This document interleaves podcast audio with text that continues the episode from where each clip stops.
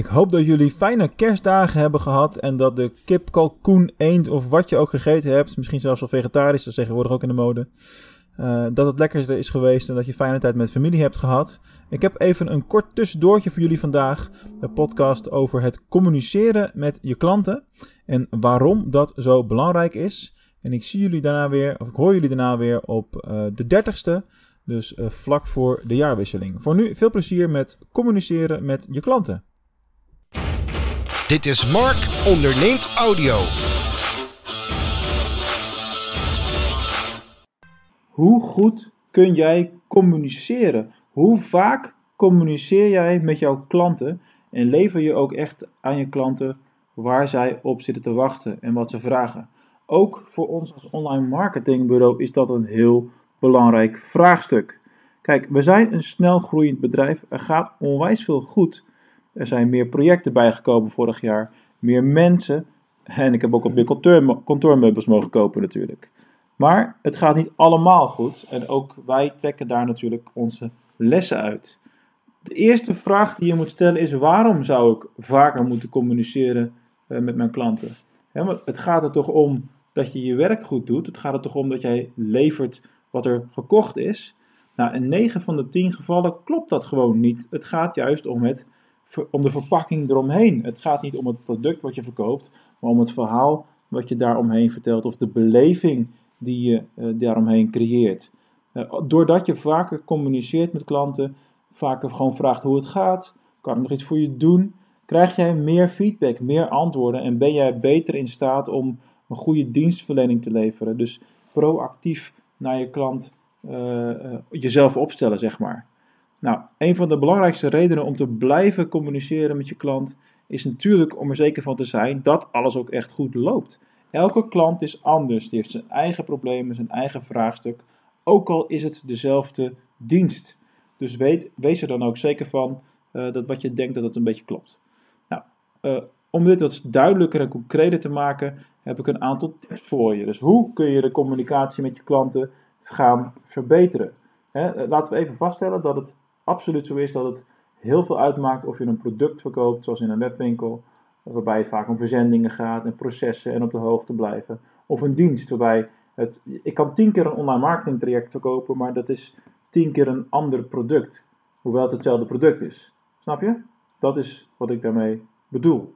Nou, ten eerste, stuur eens af en toe een simpele e-mail met als onderwerp: kan ik nog iets voor je doen?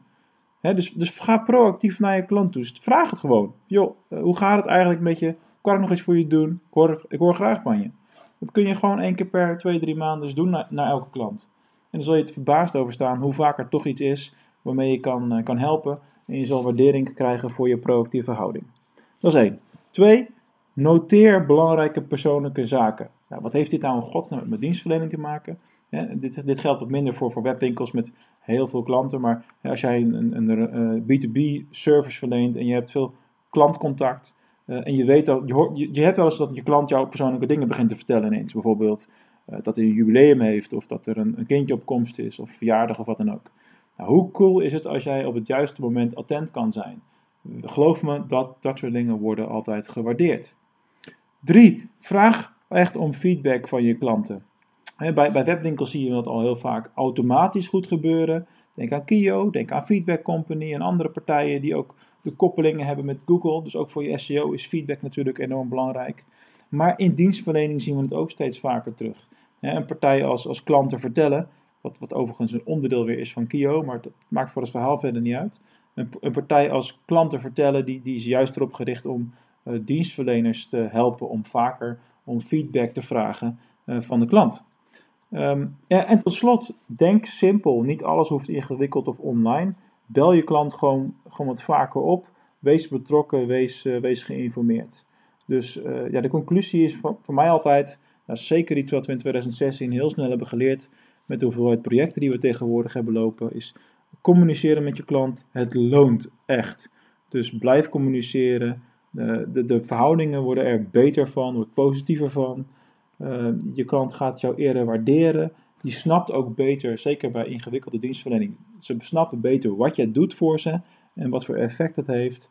En ja, ik zou willen afsluiten met de regel: Ehm, er is geen betere investering dan een investering in de relatie met je eigen klant.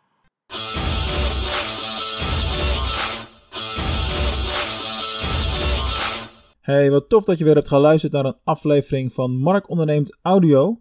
Nou, ben je ook zo blij met alle gratis content die je via deze route van mij krijgt? En zou je ons een onwijs groot plezier willen doen en ook vooral heel veel anderen willen helpen om deze content ook te ontdekken? Laat dan een review achter in de Apple Podcast app op het moment dat je een Apple gebruiker bent en in een van de andere podcast apps voor Android gebruikers.